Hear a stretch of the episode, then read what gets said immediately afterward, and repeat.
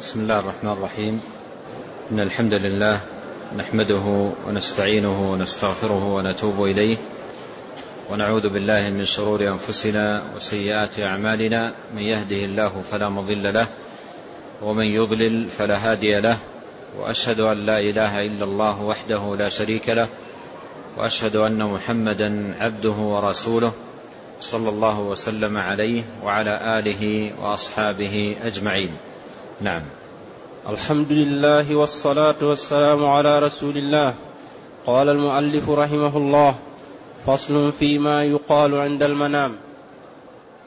قال المصنف رحمه الله فصل فيما يقال عند المنام. أي عندما يقوله المسلم إذا أوى إلى فراشه لينام. وقد جاء في السنة أنواع عديدة من الدعوات والأذكار التي يشرع للمسلم أن يقولها إذا أوى إلى فراشه لينام وفي حفظها والمحافظة عليها والعناية بها تحقق للخير والبركة للنائم.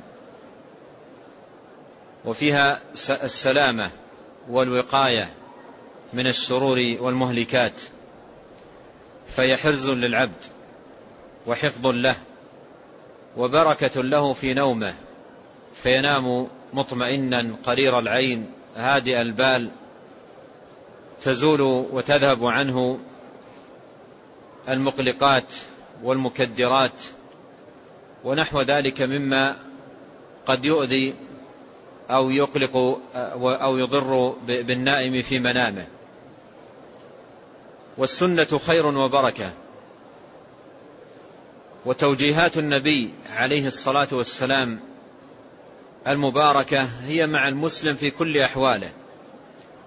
كما أنها معك في قيامك وقعودك وغدوك ورواحك فهي أيضا معك في منامك. فتنام على السنة وعلى هدي النبي الكريم صلوات, صلوات الله وسلامه عليه. وهنا ونحن بين يدي هذا الباب المبارك والفصل العظيم فيما يقال عندما يأوي المسلم إلى منامه ينبغي أن نستشعر أن النوم منة عظيمة من منن الله على عباده وآية عظيمة من آيات الله الدالة على كمال قدرته سبحانه وتعالى. وكمال تدبيره. كما قال ربنا عز وجل ومن آياته منامكم بالليل والنهار وابتغاؤكم من فضله. إن في ذلك لآيات لقوم يسمعون. فالنوم آية عظيمة من آيات الله. وهي في الوقت نفسه منة من مننه على عباده. قدر لعباده النوم وهيأ لهم هذا السكون وجعل الليل سكنا فأنعم عليهم بهذا النوم الذي هو راحة أبدانهم وزوال عنائهم وطمأنينة نفوسهم وتجديد نشاطهم إلى غير ذلك من المصالح العظام والخيرات الكثيرة المترتبة على على المنام. فهو نعمة وفي الوقت نفسه هو آية آية على كمال قدرة الله عز وجل وأنه الرب العظيم الخالق المدبر الذي بيده أزمة الأمور. وفيه دلالة على ضعف الإنسان على ضعف الإنسان وافتقاره واحتياجه وأنه ينصب ويتعب ويحتاج إلى الراحة ويحتاج إلى السكون وفيه آية على كمال الرب. الله لا إله إلا هو الحي القيوم لا تأخذه سنة ولا نوم. والله عز وجل الحي الذي له الحياة الكاملة التي لا نقص فيها بوجه من الوجوه. والإنسان حي لكن حياته يعتريها النقص. ومن نقص الإنسان ضعفه وتعبه ووهنه. وحاجته إلى النوم. وهذا فيه برهان على أن المستحق للعبادة هو الحي الذي لا يموت الذي لا تأخذه سنة ولا نوم. برهان واضح. ومع ذلك تصرف العبادة من أقوام وأقوام إلى أموات ليسوا بأحياء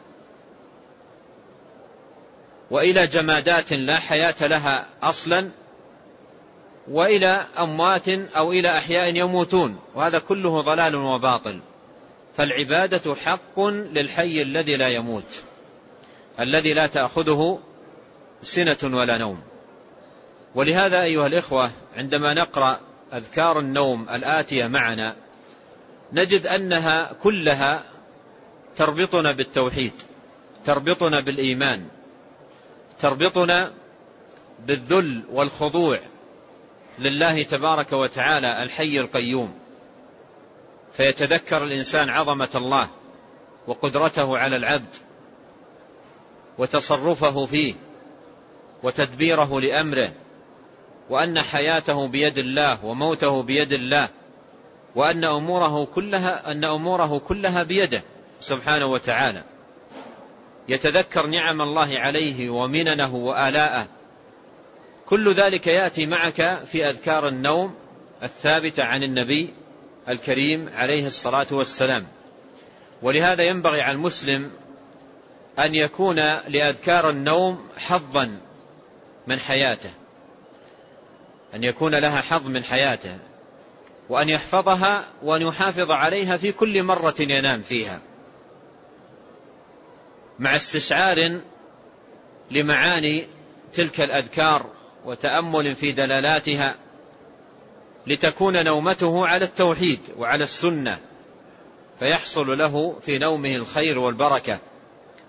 إن قبضت روحه تقبض على خير وإن كتبت له حياة كتبت له حياة على حفظ وصلاح كما سيأتي معنا في الأحاديث الواردة في هذا الباب. نعم أيها الإخوة لا يليق بالمسلم أن يأتي إلى فراشه وينام مثل نوم نومة بهيمة الأنعام. يرمي نفسه ويغمض عينيه لا يذكر الله ولا يثني على الله ولا يدعو الله ولا يناجي الله وإنما يلقي نفسه على فراشه وينام. وبعض الناس والعياذ بالله ينام على المعصية. ينام على معصية الله يفتح المسجل أو المذياع على الأغاني أو على الموسيقى أو على نحو ذلك من الأمور ويستمع إليها حتى ينام. فينام على معصية الله تبارك وتعالى ولا ينام على ذكره. وهذا من رقة الدين وضعف الإيمان.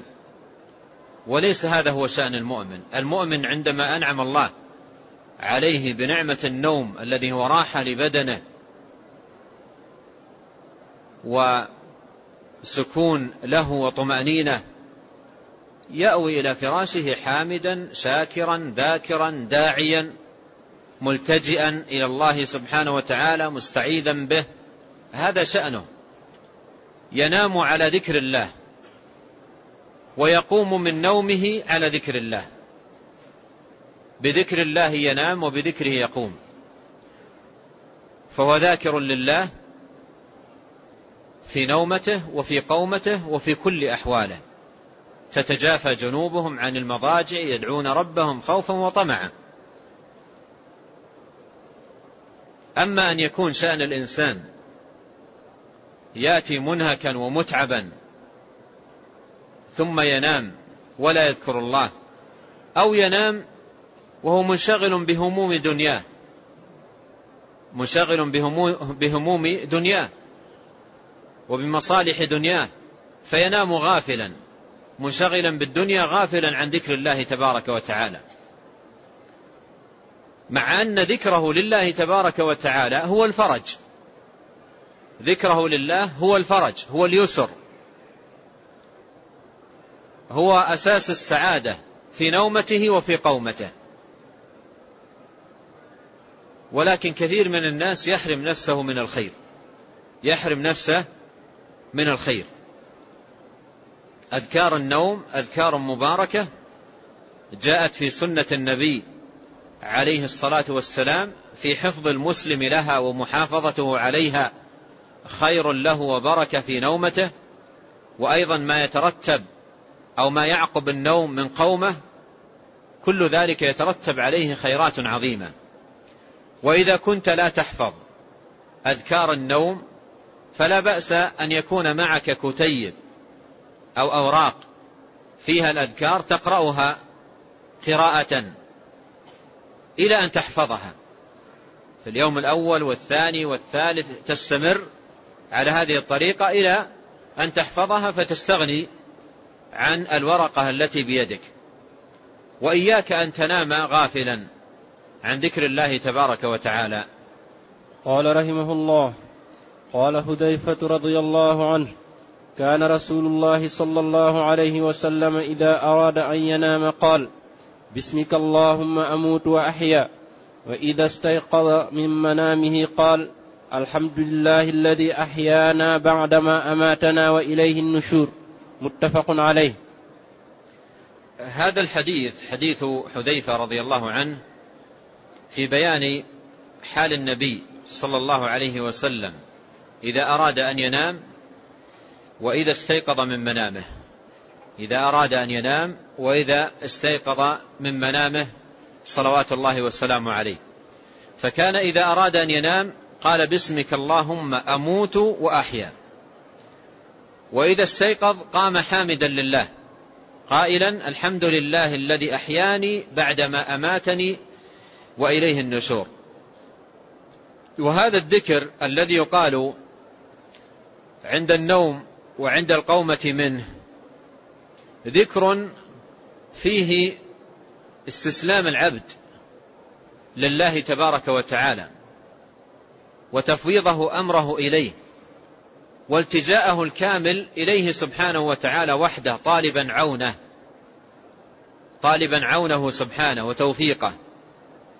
فهو ينام مستعينا بالله ويقوم حامدا لله على تيسيره وعونه وتوفيقه. وهو في ذلك كله وهو في ذلك كله مستشعر أن نومته وقومته وحياته وموته وجميع أحواله وتصرفاته بيد الله تبارك وتعالى. له نفسه لله تبارك وتعالى نفس العبد. إن شاء أحياها وإن شاء أماتها. فالأمر له, فالأمر له سبحانه وتعالى. ولهذا يأوي إلى فراشه قائلا باسمك اللهم أموت وأحيا. باسمك الباء باء الاستعانة. أي باسمك آه، أستعين يا الله أطلب العون. أنام طالبا عونك ملتجئا إليك مفتقرا إليك. فقيرا إليك. لا حول لي ولا قوة إلا بك. باسمك اللهم أموت. وأحيا. وأراد بالموت هنا النوم. وأراد بالحياة القومة منه. والحديث يدل على أن النوم موت. يسمى موتا. لأنه شبيه بالموت. والإنسان في منامه مثله مثل الميت لا يشعر. ولو تحدثت معه لا يشعر بك. ولو تحركت من حوله لا يشعر. فهو من هذه الجهة شبيه بالميت وشبيه بالموت. ولهذا جاء تسميته في نصوص القرآن والسنة موتا. الله يتوفى الأنفس حين موتها والتي لم تمت في منامها. فالنوم وفاة. وفاة صغرى أو موتة صغرى. والقومة منه حياة. ولهذا قال هنا في القومة من النوم قال الحمد لله الذي أحيانا بعدما أماتنا. أحيانا أي بهذه القومة من النوم. بعد أم بعدما أماتنا أي بهذه النومة. فالنومة موتة. فالنومة موتة والقومة منه حياة. وإذا كان شأن المو وإذا كان شأن النوم كذلك فإن النوم من أعظم المذكرات للعبد بالموت. الموت الذي يفارق به العبد هذه الحياة الحياة الدنيا. فالنومة تذكرك يوميا الموتة. التي تنتقل بها من هذه الحياة. ولما كان شأن النوم أنه مذكر بالموت تجد أن كثيرا من الدعوات وسيأتي معنا شيء منها تجد أن كثيرا منها يرتبط الذكر الذي يقال عند النوم بهذا المعنى بهذا المعنى الذي هو أن النوم موت شبيه بالموت. فعلى سبيل المثال حديث البراء ابن عازب أن النبي عليه الصلاة والسلام كان يقول إذا أوى إلى فراشه لينام اللهم قني عذابك يوم تبعث عبادك. اللهم قني عذابك يوم تبعث عبادك. لأن النوم يذكر بالبعث يذكر بالموت والبعث والأمور التي بعده. ولهذا يقول اللهم قني عذابك يوم تبعث عبادك. وأيضا يقول كما سيأتي باسمك اللهم وضعت جنبي وبك أرفعه. إن أمسكت نفسي فارحمها وإن أرسلتها فاحفظها بما تحفظ به عبادك الصالحين.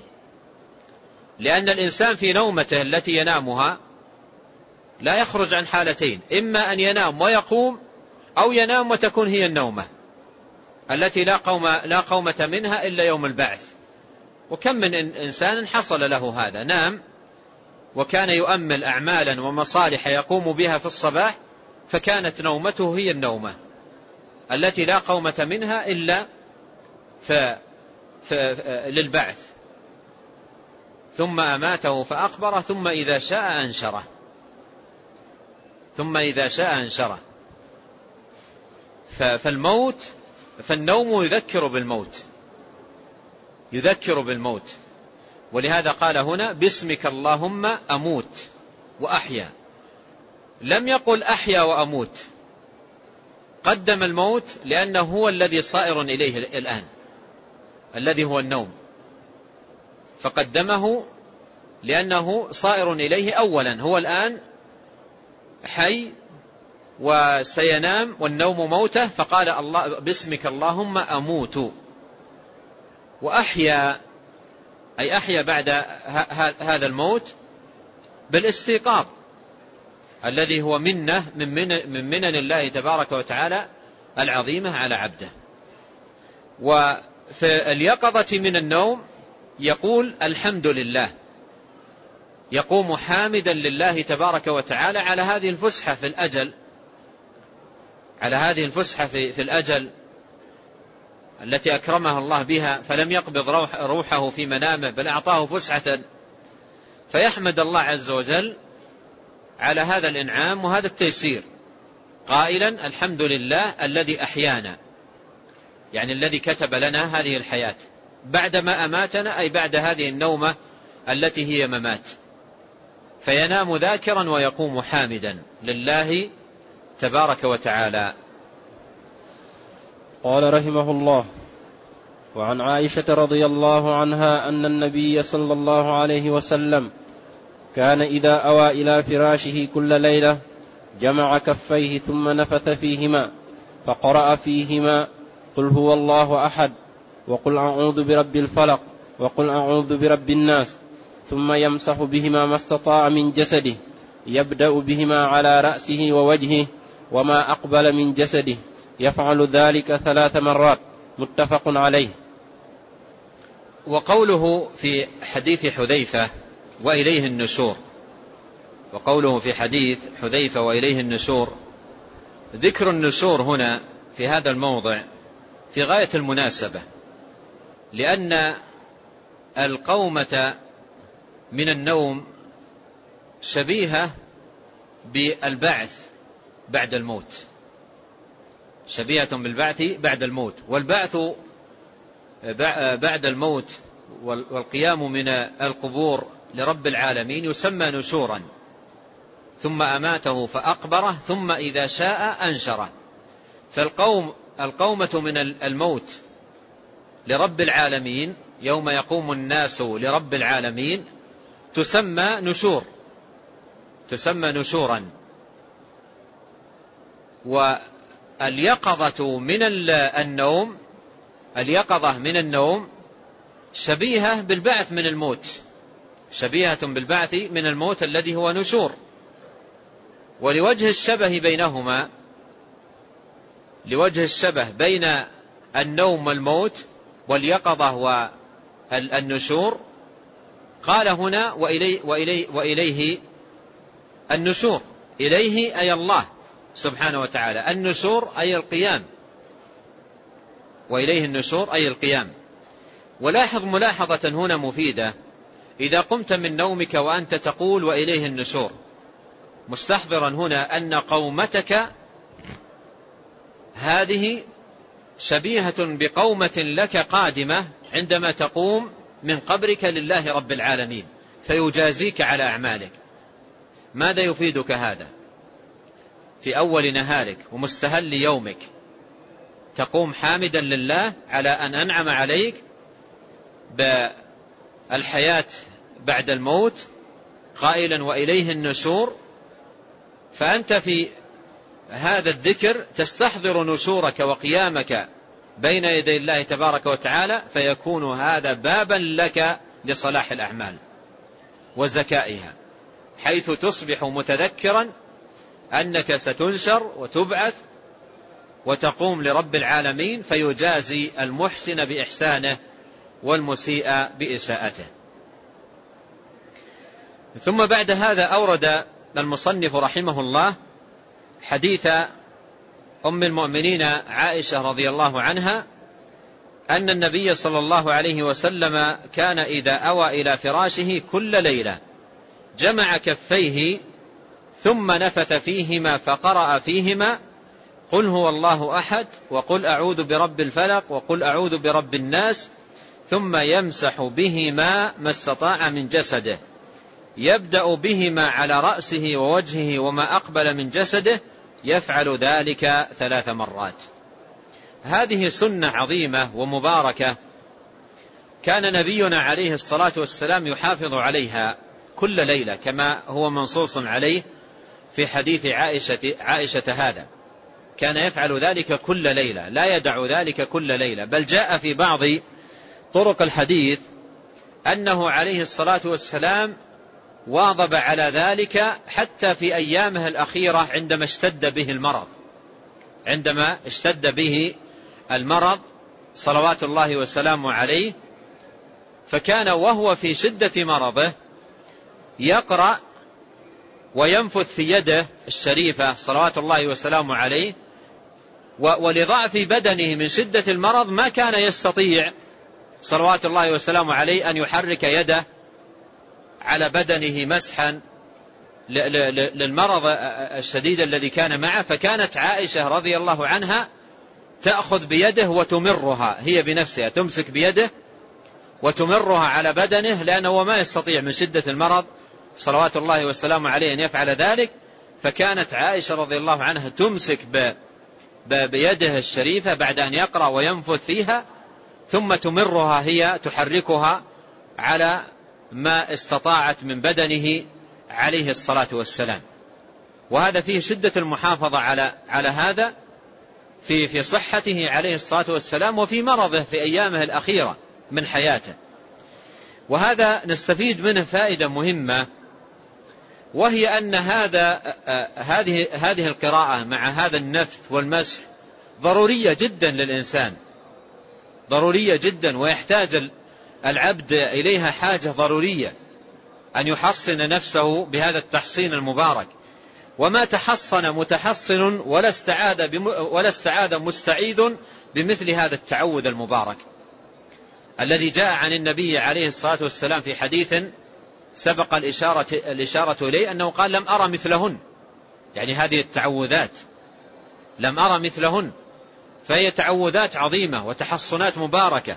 يقرأ المسلم هذه السور الثلاث وينفث ينفث في يده ثم يمسح بيده كل بدنه.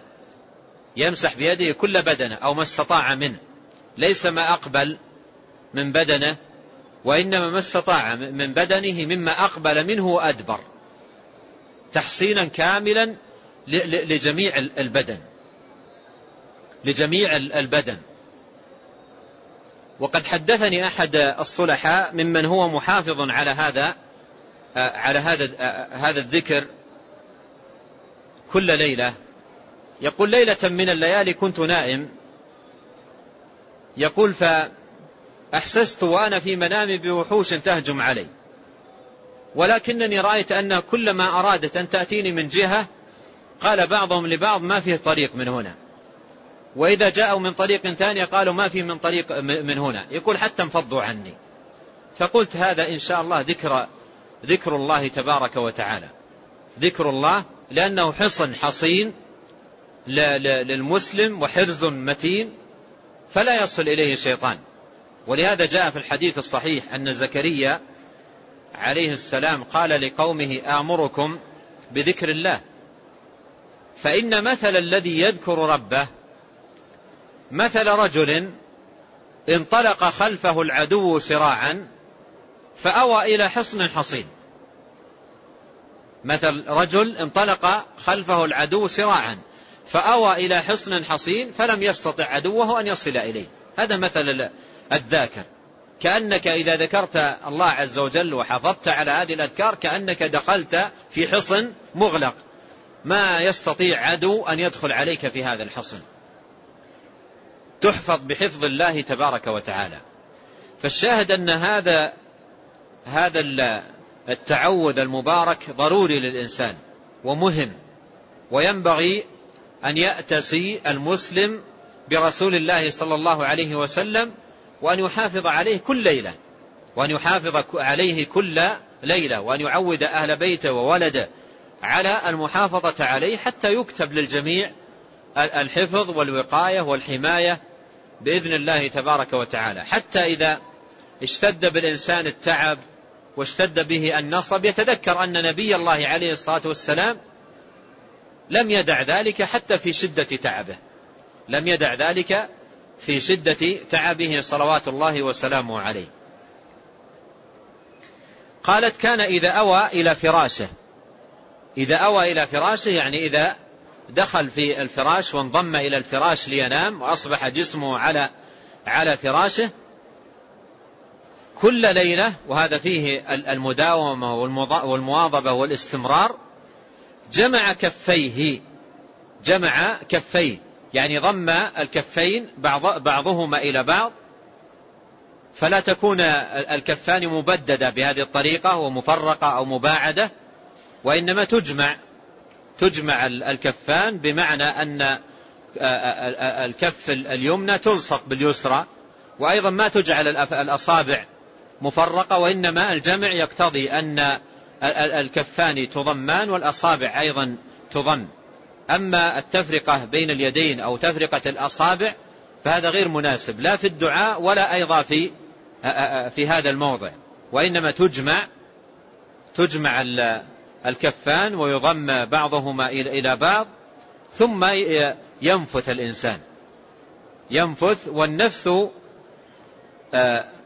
فوق النفخ ودون التفل بمعنى أنه ينفخ نفخا فيه شيء من يسير الريق.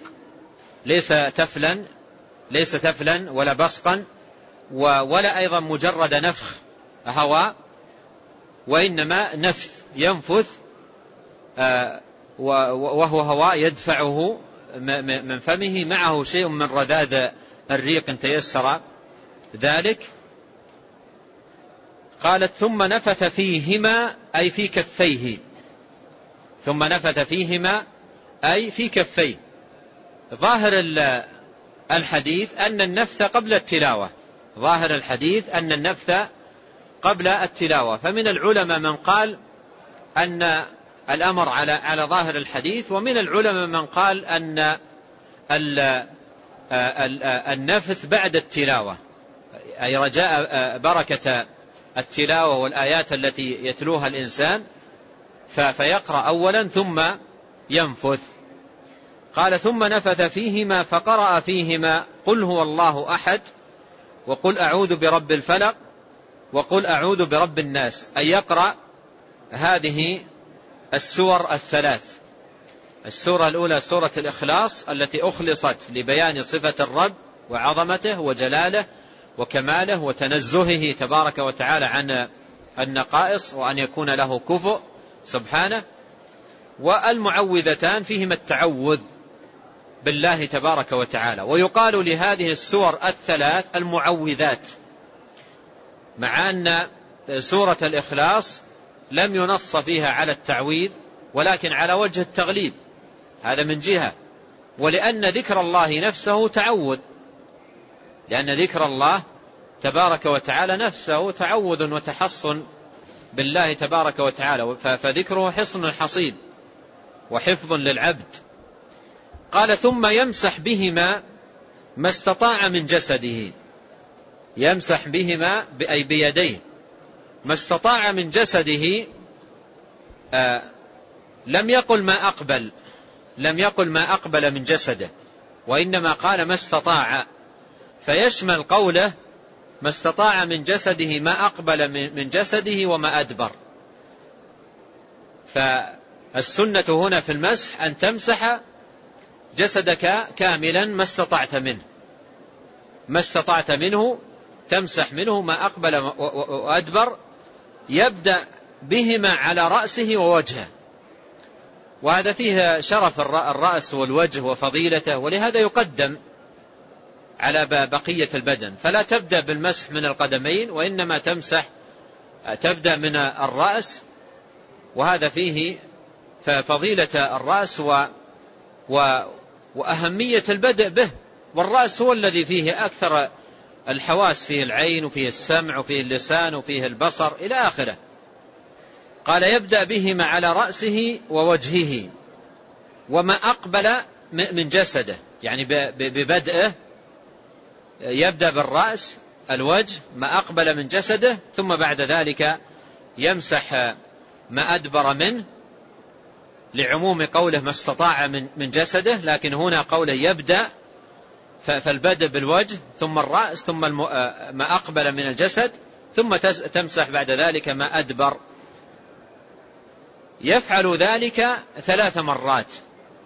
ثلاث مرات أي أنك تقرأ تنفث تمسح هذه واحدة. ثم تقرأ وتنفث وتمسح هذه الثانية.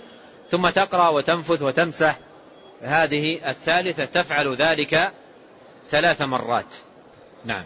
قال رحمه الله وعن أبي هريرة رضي الله عنه أنه أتاه آت يحثو من الصدقة وكان جعله النبي صلى الله عليه وسلم عليها ليلة بعد ليلة فلما كان في الليلة الثالثة قال لأرفعنك إلى رسول الله صلى الله عليه وسلم قال دعني أعلمك كلمات ينفعك الله بهن وكانوا أحرص شيء على الخير فقال إذا أويت إلى فراشك فاقرأ آية الكرسي. الله لا إله إلا هو الحي القيوم. حتى تختمها. فإنه لن يزال عليك من الله حافظ. ولا يقرب ولا يقربك شيطان حتى تصبح. فقال صدقك وهو كذوب. ذاك شيطان. خرجه البخاري. فيما يتعلق بحديث عائشة في قوله ثم يمسح بهما بعضهم استدل بقوله ثم يمسح بهما استدل به على مشروعية آه، آه، مسح الوجه أو البدن باليدين بعد الدعاء.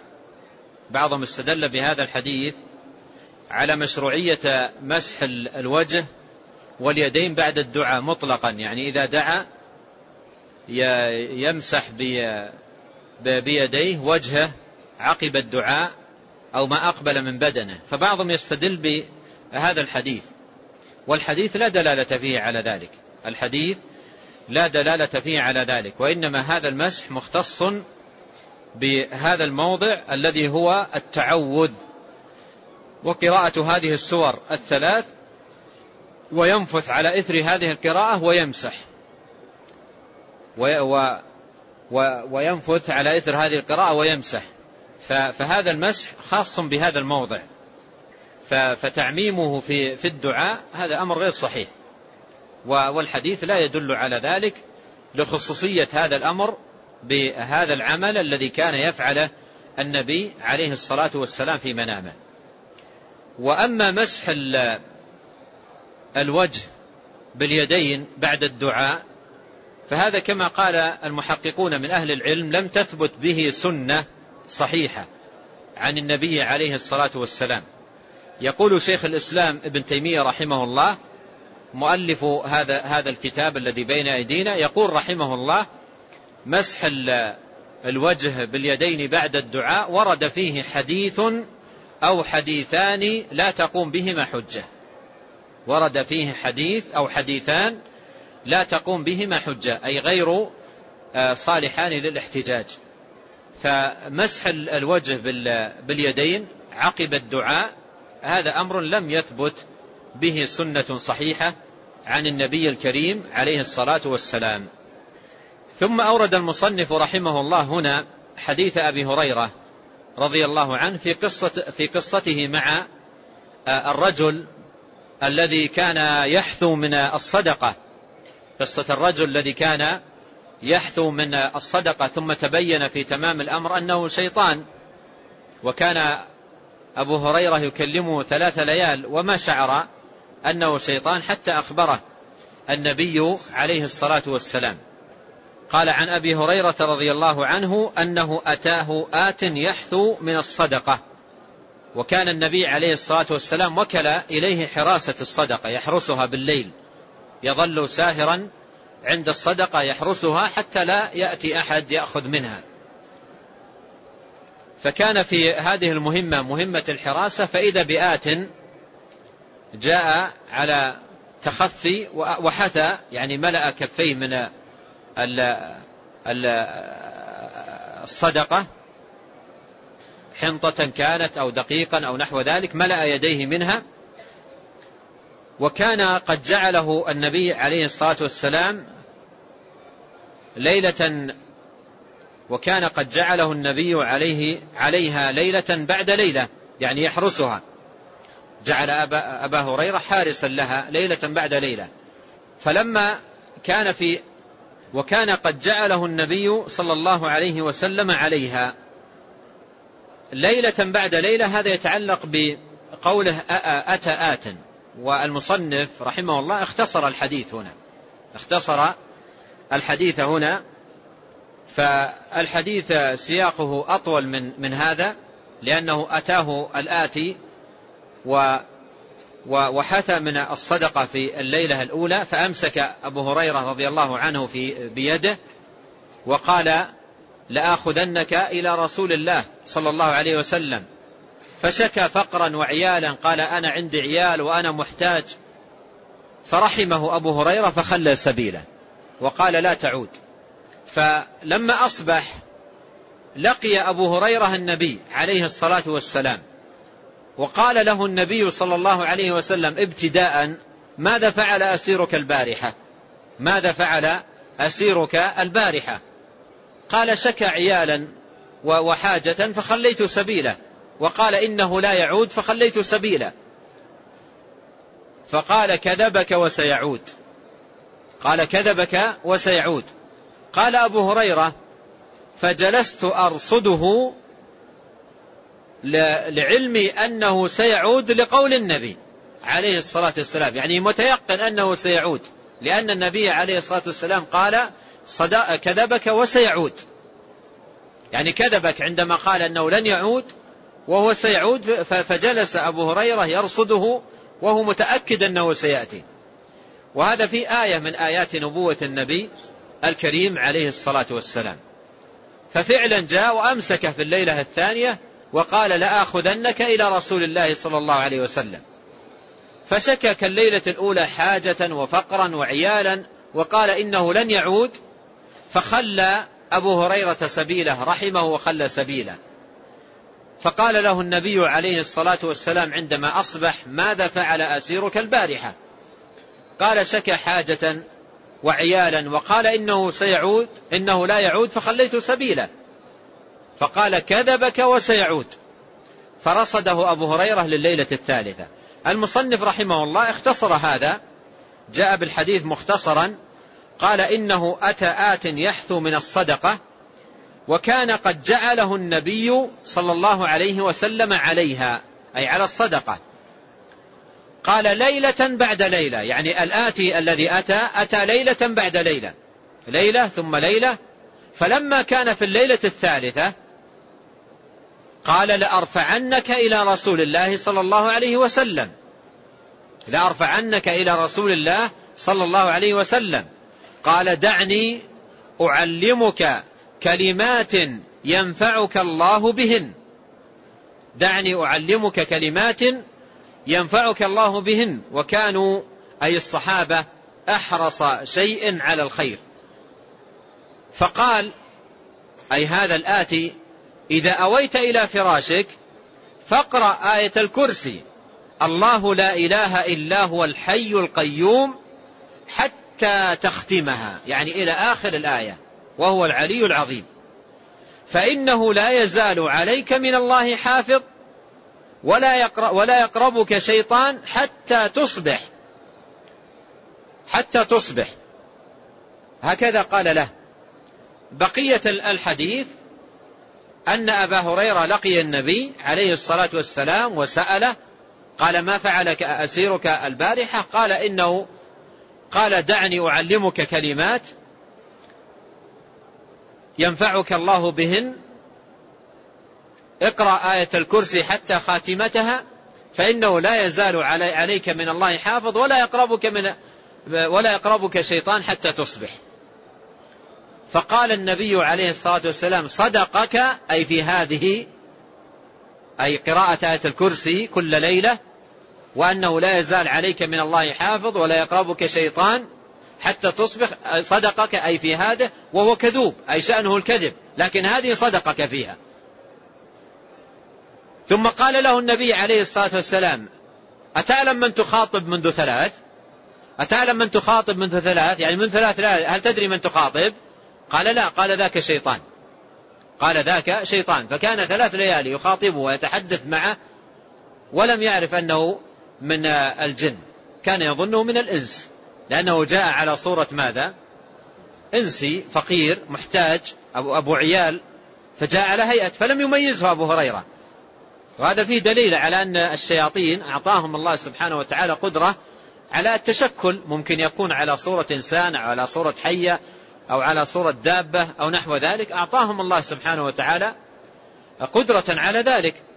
ولهذا جاء في حديث آخر قريب من هذا الحديث حديث أبي بن كعب. كان يقول أبي كان لي جرن من تمر. وعاء خاص بالتمر. يقول فلاحظت أنه ينقص. لاحظت أنه ينقص. فرصدته. أخذت أحرص هذا الجرن. فإذا بدابة شبه الغلام المحتلم. فإذا بدابة شبه الغلام المحتلم. أتت إلى هذا الجرن وبدأ يأخذ من التمر. يقول فأمسكت بيده. أمسكت بيده. فإذا يده يد كلب. يقول إذا يده يد كلب وشعره شعر كلب وكان ممسكا بيده. فقال له أبي فقال له أبي أجني أنت أم إنسي؟ أجني أنت أم إنسي؟ وهنا أيضا في ثبات قلبه وعدم خوفه. فقال له أجني أنت أم إنسي؟ قال أنا جني.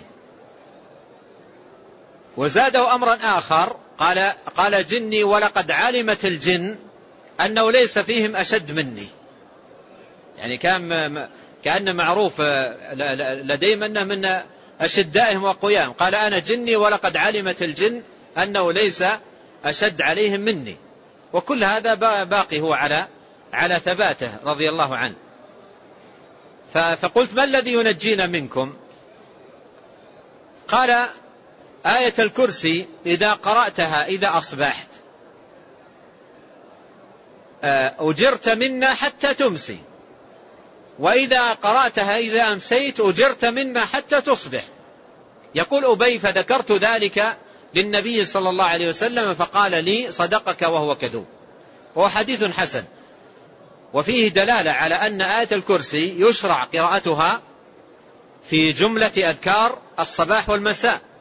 تقرأها في أذكار الصباح وتقرأها في أذكار المساء والثمرة التي تحصلها أنه أنك تجار من الشياطين بقراءتك لها حتى تمسي وتجار منهم حتى تصبح. وإذا قرأتها عند النوم حفظت منهم فلا يقربك شيطان حتى تصبح. فهذه ثلاثة مواضع يشرع فيها قراءة ماذا؟ آية الكرسي. عند النوم وفي أذكار الصباح وفي أذكار المساء. وأيضا ثمة خمسة مواضع يشرع فيها قراءة آية الكرسي وهي ماذا؟ أدبار الصلوات المكتوبة لحديث أبي أمامة الباهلي رضي الله عنه أن النبي صلى الله عليه وسلم قال من قرأ آية الكرسي دبر كل صلاة مكتوبة لم يمنعه من دخول الجنة إلا أن يموت. لم يمنعه من دخول الجنة إلا أن يموت. فهذه ثمانية مواضع يشرع فيها قراءة آية الكرسي في اليوم والليلة عند النوم وفي أذكار الصباح وفي أذكار المساء وأدبار الصلوات الخمس المكتوبة. قال إذا أويت إلى فراشك فاقرأ آية الكرسي. فاقرأ آية الكرسي. الله لا إله إلا هو الحي القيوم حتى تختمها يعني حتى تصل إلى خاتمتها. حتى تصل إلى خاتمتها. فإنه لا ي... لن... لن يزال عليك من الله حافظ ولا يقربك شيطان حتى تصبح يعني تكون في حفظ من الشيطان فلا يقربك ولا تزال محفوظا بحفظ الله تبارك وتعالى إلى أن تصبح إلى أن تصبح. فهذا الأمر يشرع أن يفعل يعني قراءة آية الكرسي عندما يأوي المسلم إلى فراشه يشرع له أن يقرأها لأنها سنة ثبتت بإقرار النبي عليه الصلاة والسلام. لولا قول النبي عليه الصلاة والسلام لأبي هريرة صدقك مقرا آه، لهذا الأمر عليه الصلاة والسلام لا, لا لما كان هذا الأمر سنة. فالسنة تعرف بقوله عليه الصلاة والسلام أو فعله أو تقريره. فهنا أقر النبي عليه الصلاة والسلام هذا الأمر. ولهذا يقال من السنة قراءة آية الكرسي من السنة قراءة آية الكرسي كل ليلة إذا أوى المرء إلى فراشه ومن قرأها لم يزل عليه من الله حافظ ولا يقربه شيطان حتى يصبح. وفي الحديث دلالة على عظم شأن آية الكرسي التي هي أعظم آية في كتاب الله عز وجل وقوة أثرها في طرد الشياطين وقوة أثرها في طرد الشياطين وإبعادهم من إبعادهم من المكان ولا يكفي فيها القراءة المجردة بل لا بد أن يقرأها العبد بصدق. ولهذا مصنف هذا الكتاب في مواضع عديدة من كتبه يقول عن آية الكرسي يقول إذا قرأت بصدق أبطلت الأحوال الشيطانية. إذا قرأت بصدق أبطلت الأحوال الشيطانية. أما أن يقرأها الإنسان بغفلة أو يقرأها بإعراض أو يقرأها بدون استشعار للتوحيد الذي آه، آه، دلت عليه فهذا ضعيف الأثر إن لم يكن عديم الأثر. ضعيف الأثر إن لم يكن عديم الأثر. فلا بد أن تقرأ بصدق. فلا إله إلا الله لا إله إلا هو وما فيها من التوحيد والإخلاص تطرد الشياطين ولا تبقيهم في المكان. ولا يستطيعون قربان الإنسان الذي قرأها بصدق وتحقيق لما دلت عليه من التوحيد والإخلاص لله تبارك وتعالى. قوله وهو كذوب هذا فيه فائدة أن هذا دأب الشياطين أن هذا دأب الشياطين وأن هذه صفتهم. وهذا فيه فائدة أن التعامل مع الشياطين لا يجوز لأن هذا دأبهم. ولا يأمن من يتعامل معهم أن يمكروا به.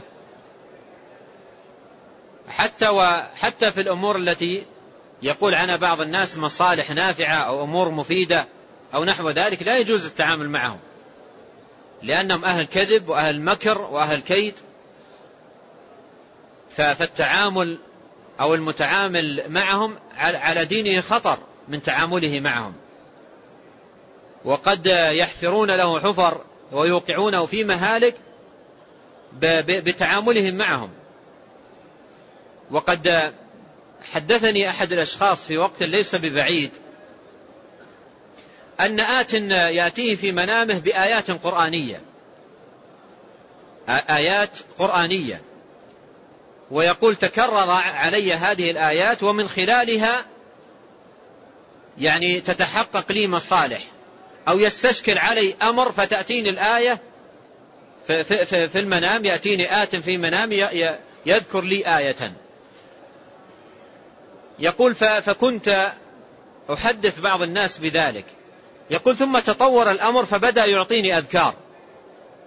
قلت له اذكر لي شيئا منها. فذكر لي بعضها قال لي آه، ذكر لي ذكرا لا حاجة إلى ذكره.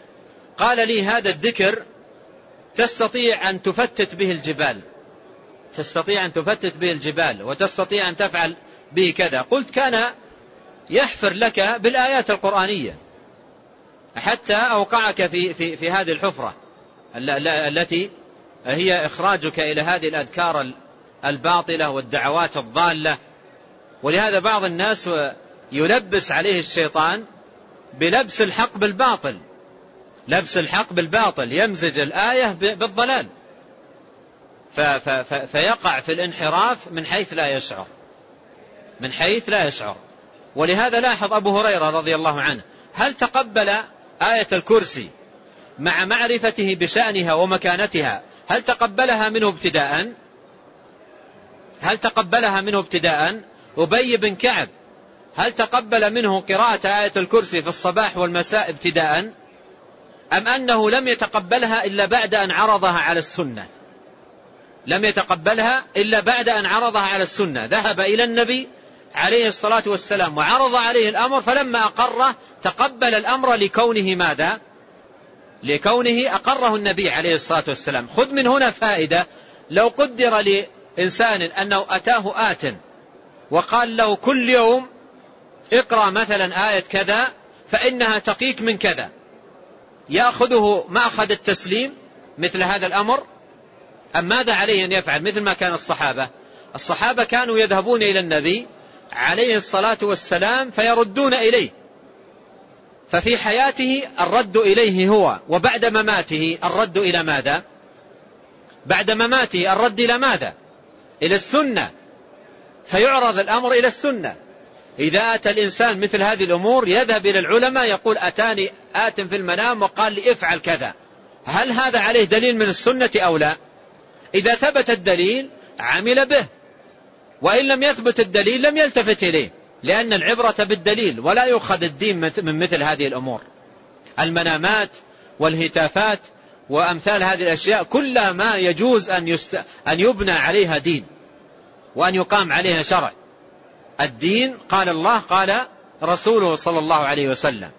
ولهذا نلاحظ أبو هريرة رضي الله عنه لما قال له إذا أويت إلى فراشك اقرأ آية الكرسي إلى خاتمتها فإنه لا يزال عليك من الله حافظ ولا يقربك شيطان.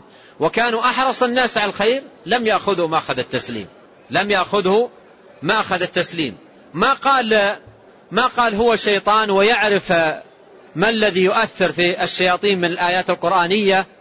وبحكم معرفتي أنا آخذ قوله. ما قال هذا الكلام؟ انتظر حتى لقي النبي عليه الصلاة والسلام وعرض عليه الأمر. وعرض عليه الأمر. ولهذا لا يجوز أن يؤخذ من الهتافات ومن المنامات ونحو هذه. لا, لا يجوز أن يؤخذ منها أذكار أو دعوات أو نحو هذه الأمور بل هذا عين الضياع. وأساس الوقوع في الضلال والباطل. نعم. قال رحمه الله وعن أبي مسعود الأنصاري رضي الله عنه عن النبي صلى الله عليه وسلم قال من قرأ الآيتين من آخر سورة البقرة في ليلة كفتاه متفق عليه. وقال علي رضي الله عنه ما كنت أرى أحدا يعقل ينام قبل أن يقرأ الآيات الثلاث من آخر سورة البقرة. وعن أبي هريرة رضي الله عنه. ثم أورد المصنف رحمه الله حديث أبي مسعود الأنصاري البدري رضي الله عنه عن النبي صلى الله عليه وسلم قال من قرأ الآيتين من آخر سورة البقرة في ليلة كفتاه. من قرأ بالآيتين من آخر سورة البقرة أي قول الله تعالى آمن الرسول بما أنزل إليه من ربه والمؤمنون إلى آخر السورة. الآيتان اللتان ختمت بهما سورة البقرة. وهاتان الآيتان لهما شأن عظيم. ومكانة علية وقد جاءت نصوص متكاثرة عن النبي عليه الصلاة والسلام في فضل هاتين الآيتين. في فضل هاتين الآيتين وأنه أعطيهما عليه الصلاة والسلام من كنز تحت العرش. وجاءه ملك يبشر بهاتين الآيتين مع الفاتحة. يقول آآ آآ ابن عباس بين رسول الله صلى الله عليه وسلم قاعد وجبريل عنده إذ سمع نقيضا من فوق يعني من جهة السماء فقال جبريل هذا باب من السماء فتح اليوم لم يفتح قط قبل اليوم. ثم قال جبريل نزل منه ملك نزل اليوم لم ينزل قط قبل اليوم. فجاء هذا الملك إلى النبي عليه الصلاة والسلام وقال أبشر يا محمد بنورين أوتيتهما لم يؤتهما نبي قبلك. فاتحة الكتاب وخواتيم سورة البقرة. وإنك لن تقرأ بحرف منهما إلا أوتيته. الشاهد أن خواتيم سورة البقرة ورد فيهما نصوص عديدة على فضل ما ختمت به سورة البقرة.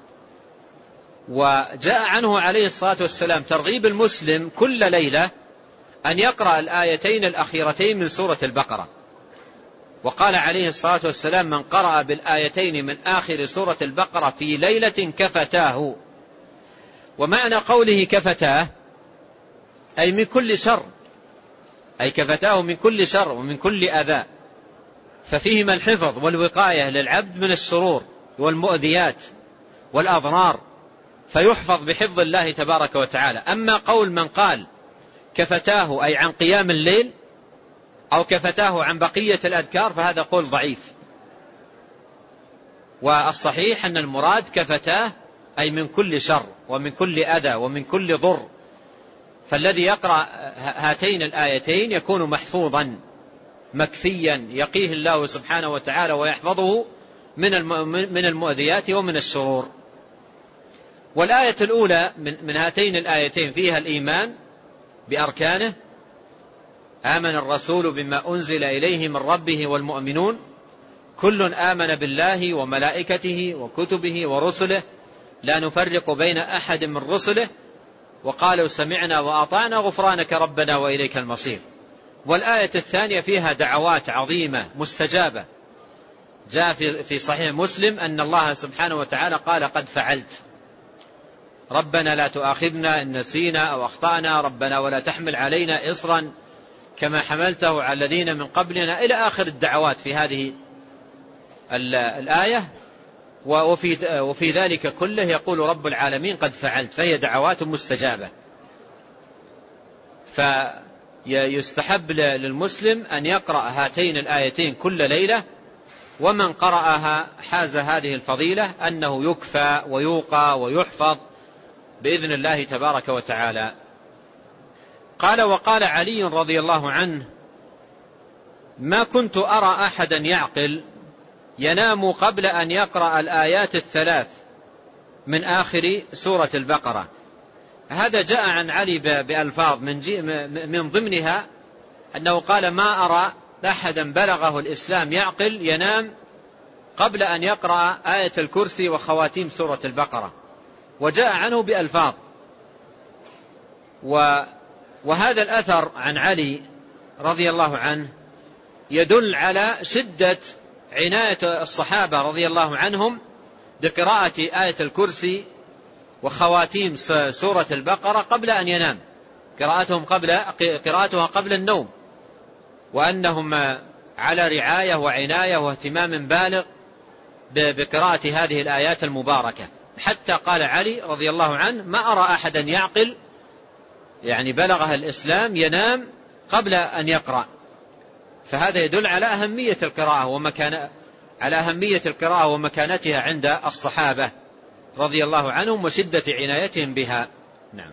قال رحمه الله. وفي فيما يتعلق بآية الكرسي وخواتيم سورة البقرة كان لي بعض الجلسات في الكلام على معانيها. آية الكرسي في بعض المجالس وأيضا خواتيم سورة البقرة في بعض المجالس وهي موجودة في أشرطة للراغب للاستفادة منها. نكتفي بهذا القدر. نعم. الله أعلم وصلى الله وسلم على نبينا